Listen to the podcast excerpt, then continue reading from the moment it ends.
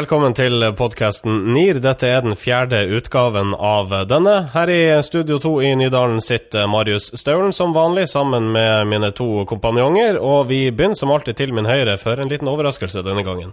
Marius Tørkelsen, ja, jeg er først denne gangen, og også litt mer viktigere enn Sindre denne gangen, forhåpentligvis. Ok, hvorfor? Jeg, fordi jeg sitter eh, til høyre for deg. Mm. Det er din høyre hånd. Ja. Jeg, jeg jobber i Spre, og jobber mye med rådgivning knyttet til forretning og eh, vekst, egentlig. Mm.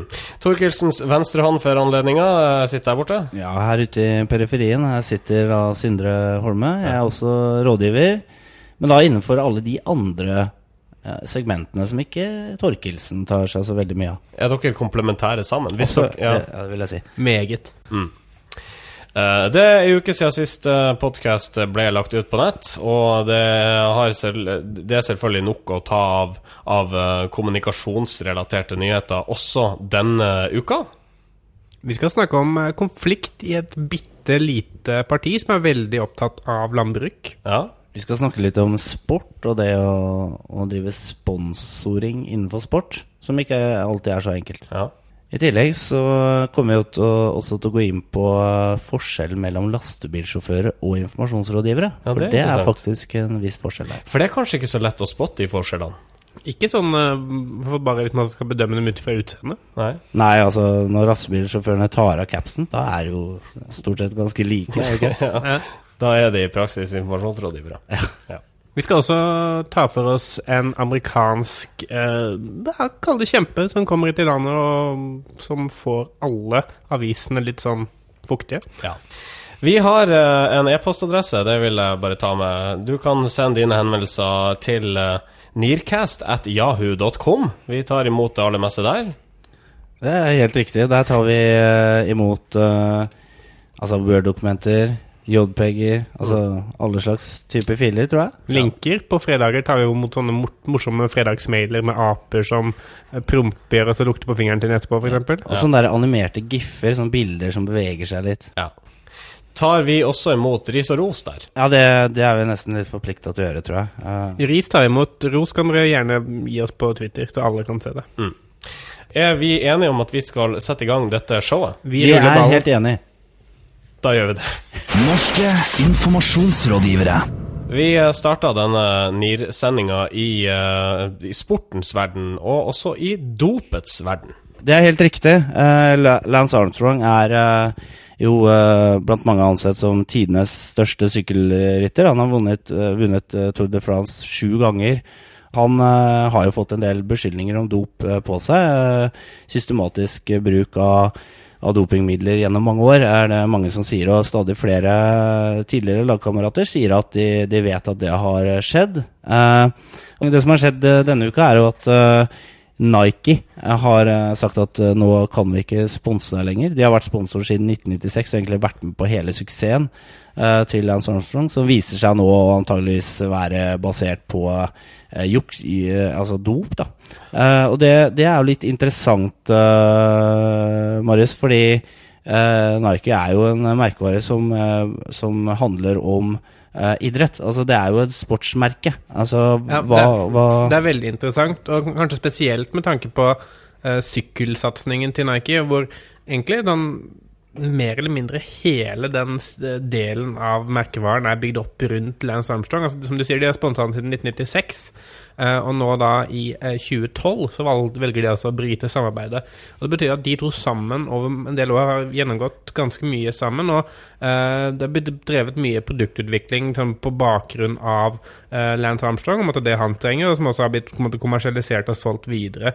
Eh, og Det som også er, gjør det veldig spesielt, er jo nettopp eh, Armstrongs eh, tilknytning til Livestrong-stiftelsen, som er en stiftelse som arbeider for å eh, hjelpe de som blir rammet av kreft.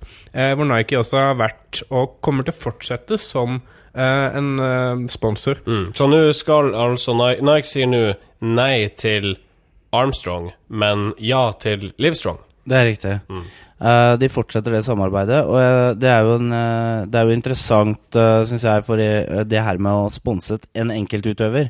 Det er jo en, et sårbart prosjekt. Det er, det er alltid en stor tilknytning når man, når man går inn på én person. Og det er en sånn artig historie på Eller artig for oss, kjipt for de det hendte med. Altså for, for et par år siden hvor uh, Gillette eh, dette barberblad- og skummerket. Uh, de sponsa Tiger Woods, Thierry Henry, fotballspilleren, og eh, Roger Federer, tennisproffen.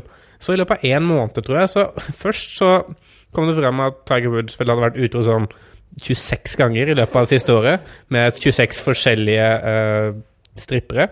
Uh, og, så det, og så spilte Frankrike uh, en kamp mot Irland, hvor Thierry Henry hensa inn et mål som førte til at Frankrike gikk videre til VM, mens Irland ikke gikk det. Og så begge to havna ganske hardt hver, da. Og, og Gillette valgte jo bare å kutte begge to. Hvilke effekter kan det ha på merkevaren å være tilknytta Lance Armstrong, eh, med tanke på de anklagene eh, som har kommet mot ham? Ja, Det er forskjell på eh, merkevarer. Noen merkevarer er mer robuste enn andre. Altså Nike står ikke bare på ett bein. Altså Det er ikke Armstrong-beinet som, som avgjør hvordan folk eh, forholder seg til Nike som merkevare. Så det kommer litt an på hva man driver med, og, og hvor mye man har satsa på en enkeltutøver. Mm. Men uh, her var det nok et, spørs, uh, et spørsmål om tid før Nike måtte trekke seg ut. Mm. Jeg, jeg, det er jo kun ville spekulasjoner, selvfølgelig, men altså, jeg lurer på hvor mye er det hvor mye har Nike visst, da? Fordi jeg tenker de som jobber med eh, altså, sykkel- og produktutvikling, som har jobba tett på Lance Armstrong Altså, noen må ha sett noe, og lurt på noe. Og det syns jeg vi, Den ballen skal jeg spille videre uten Nike. Så jeg forventer at de skal uttale seg om det. Da lar vi Nike eh, få lov til å gjøre rede for det i pressemelding på et eller annet tidspunkt. Tommelen opp eller tommelen ned for at Nike nå avbryter eller avslutter sin uh, connect med Lance Armstrong? Jeg vil si jeg tommelen opp, fordi jeg syns, eh, jeg syns at de har også gjort det på et riktig tidspunkt. De har ikke på en måte de har ikke forlatt et synkende skip før det på en måte har nådd bunnen. De kunne ha stikket tidligere og blitt litt uh, redde. Eh, men de har valgt å støtte sine utøvere så lenge det lar seg gjøre, rett og slett. Eh, Marius eh, Torkelsen, tommel opp eller tommel ned? Ja, jeg er enig i det. Tommel opp. Norske informasjonsrådgivere. Og fra en sponsoraktivitet til en ganske så annen, og nesten out of this world skal vi. For vi skal til et eh, halsbrekkende rekordforsøk. Eh, et vellykket rekordforsøk som sådan, som fant sted for ikke lenge siden. Vi skal selvfølgelig til eh, østerrikeren Felix Baumgartner og hans sponsor eh, Red Bull, denne østerrikske energidrikken. Eh, og Baumgartner, som sikkert de fleste har fått med seg, han valgte rett og slett å ta en ballong opp til eh, stratosfæren og hoppe ned i fallskjerm, for da å bli den personen som har hoppet fra høyest høyde i fallskjerm noensinne. Dette ble jo livestreama i alle medier, Uh, i tillegg til face, uh, Red Bulls egen eh, kampanjeside, som også uh, sto for mesteparten av livestreamingen. Uh, og de hadde også produsert en hel sånn TV-sending og veldig mye sånn rundt dette eventet for å få mest mulig presse ut av det. Ja, det er, det er et veldig interessant event, for det fremstår i hvert fall som det er en stor grad av risiko her. Ja, Men det var vel spekulert mye i det i avisene. Altså, man, man, man sa det at han kan like gjerne dø. Ja, altså han sa jo det også når han kom eh, ned, at det eneste han tenkte på når han hoppa ut, var å overleve. Mm. Og ikke å nyte eh, the moment, liksom. Det var ikke det det gikk på. Det må jo være litt kjipt. Altså, Hvis du skal hoppe fra stratosfæren, så tenker jeg da må du i hvert fall kunne nyte utsikten på veien ned. Men nei. Ja, nei, altså Når du liksom fyker det i 1300 km i timen, så, så bør du jo nyte farta, i hvert fall. Eh, hvilken effekt har dette for Red Bull, som da ganske tydelig branda seg sjøl som sponsor av dette halsbrekkende rekordforsøket?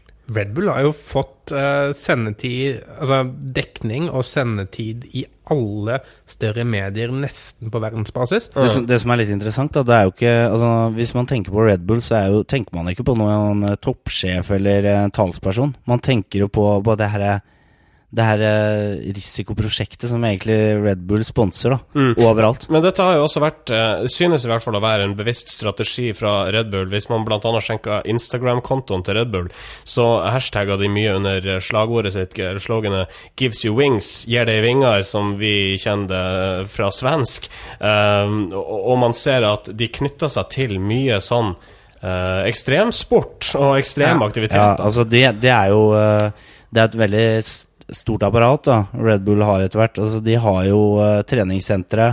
De, de sponser jo uh, basehoppere, f.eks. Petter Northug. Uh, Petter Northug er jo et, også et litt, kanskje litt, litt rart eksempel, faktisk.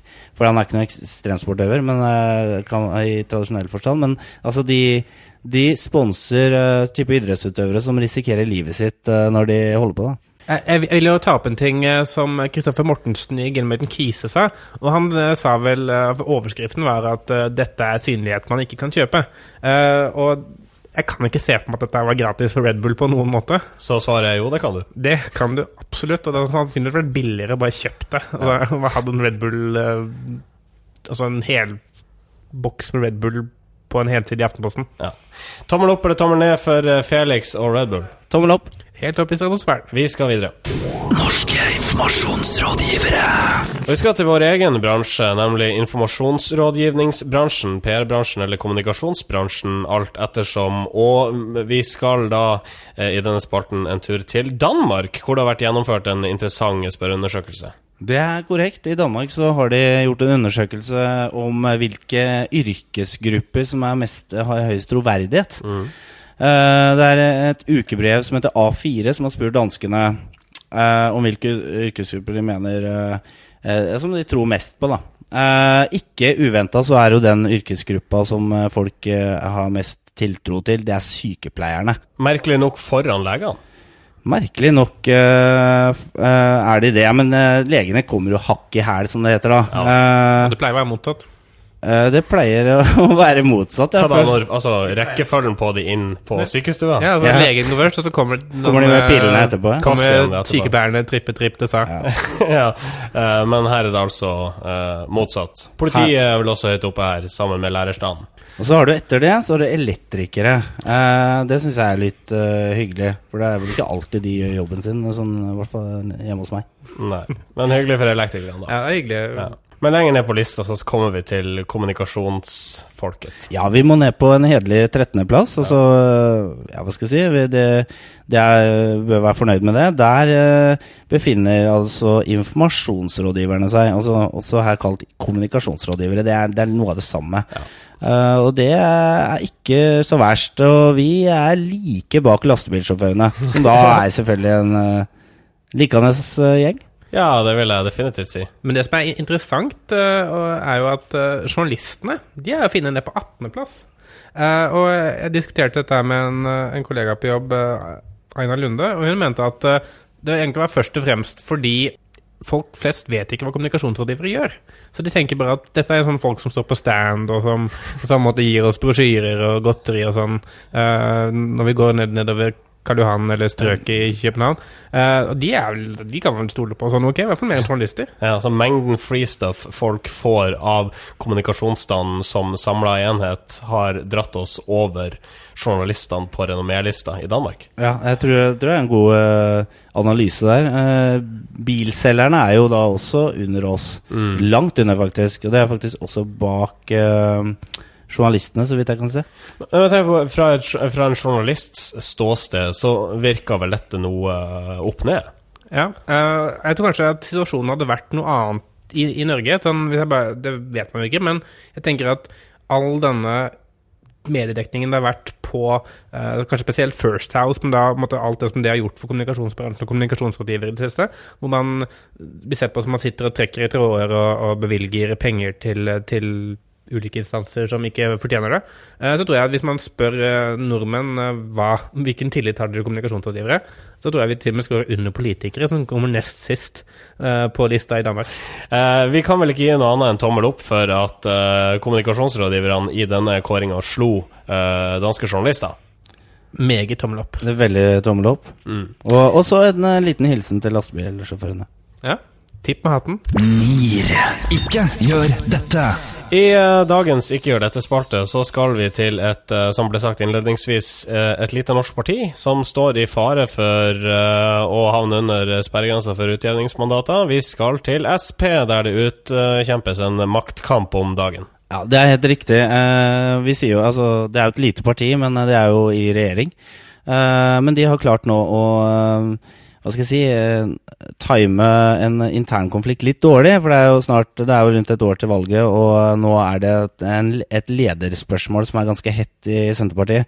Eh, Liv Signe Navarsete er i vinden, kan man si. Hun var jo det også eh, for ikke så lenge siden pga. sitt eh, litt eh, uhåndterlig temperament eh, innimellom. Eh, det siste som har skjedd nå, er at hun skal ha skjelt ut eh, lederen for Senterungdommen, altså ungdomspartiet til Senterpartiet, foran mange, mange Altså flere hundre tidligere, så vidt jeg forsto. Altså, det må vel være samtlige som er medlem i Senterungdommen, i så fall.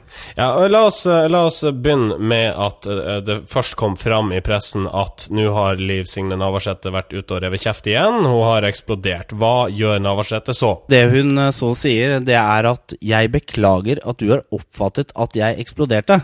Noe sånt nå, sier hun. Eh, og det, det blir jo det, det tenker hun da at ok, det bør holde.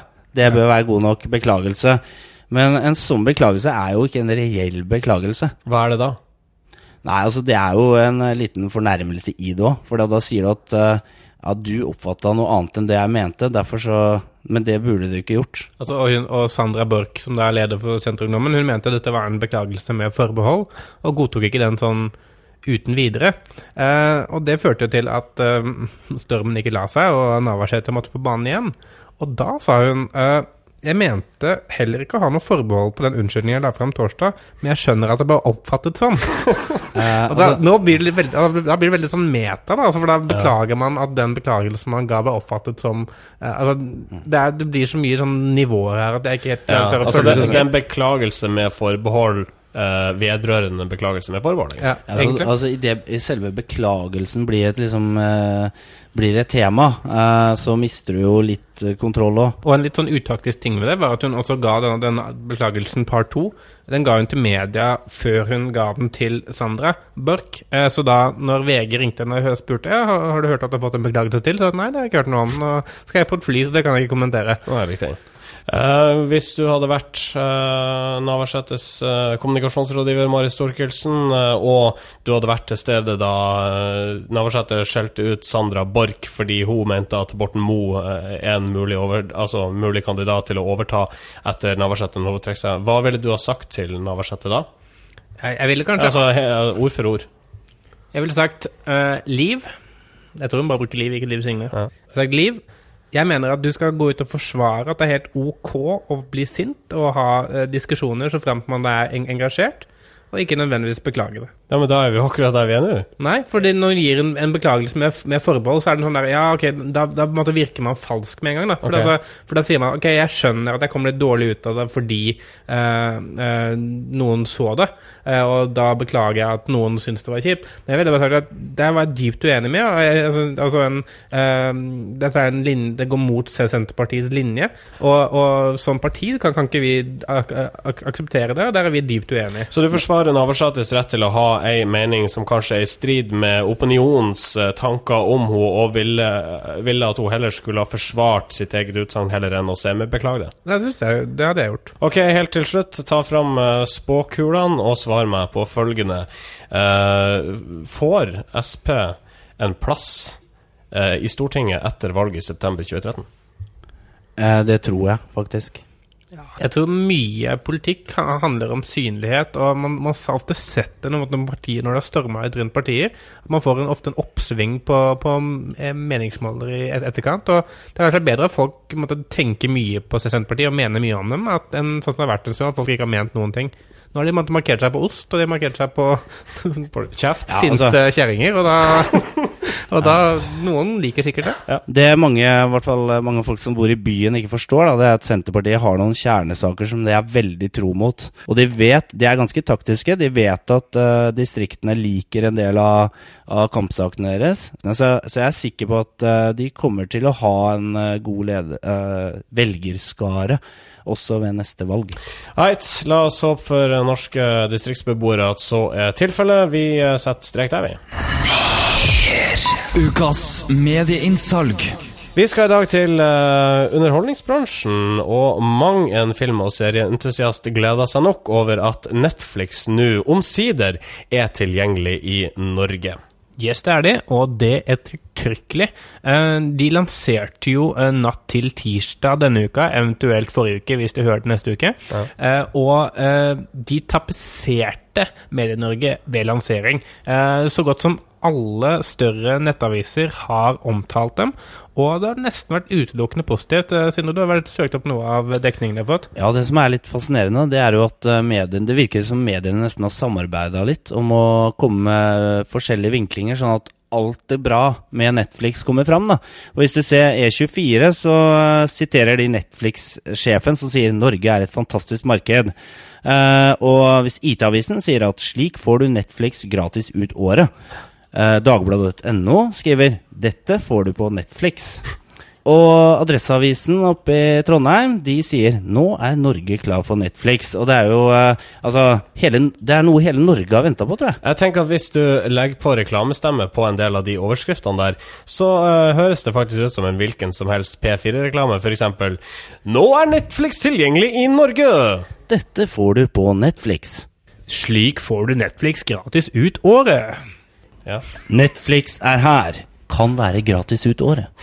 Ja, det, det er også interessant der eh, at, eh, at det var også forhåndssaker på det her. Altså Når det gjelder teknologi og ting som har med underholdning å gjøre, som slash teknologi og underholdning, da er mediene altså De, de lar eh, De tråkker den herre Vær varsom-plakaten ned i høstløvet. Men det er jo veldig interessant stoff der, da.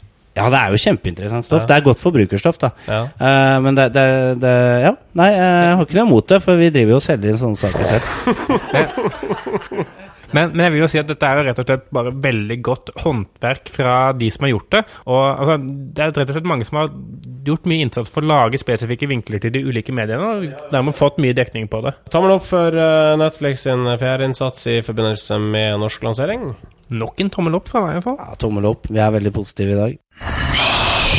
Ukas kudos. Og i eh, dag så skal vi til underholdningsbransjen, der det onsdag ble kjent at eh, Harald Eia og Bård Tufte Johansen nå bryter med NRK, det etter 20 år.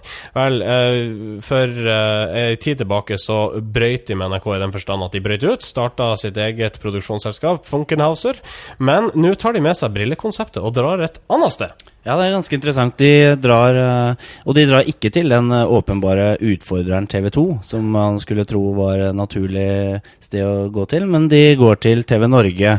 Eh, og det, det er jo interessant, fordi TV Norge har virkelig blitt en eh, hva skal jeg si, en stormakt innen TV-humor.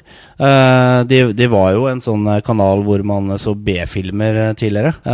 og egentlig ting man egentlig ikke burde se på. Altså Hvis man var litt usunn og sånn, så satt man på TV, TV Norge-filmen fordi at man ikke hadde et liv, da. Men det er, sånn er det ikke akkurat Sånn er det ikke nå lenger, da. TV Norge var jo onsdagsfilmen, eh, som ofte het noe sånn som 'Hjelp han slår', og Dokusuper, sånn derre mannen med to neser. Altså Det var jo TV Norge for meg en veldig, en veldig lang periode. Eh, men uh, nå så gjør de det mye bedre. Jeg liker uh, sjangeren dokusuppe. Er det, det, var, det er jo kanskje det TV Norge hadde, Altså, faktisk. det er oppkok, i hvert fall. Ja. Uh, men de har i alle fall blitt utrolig mye bedre, og de har jo en del uh, store navn innen humor fra før.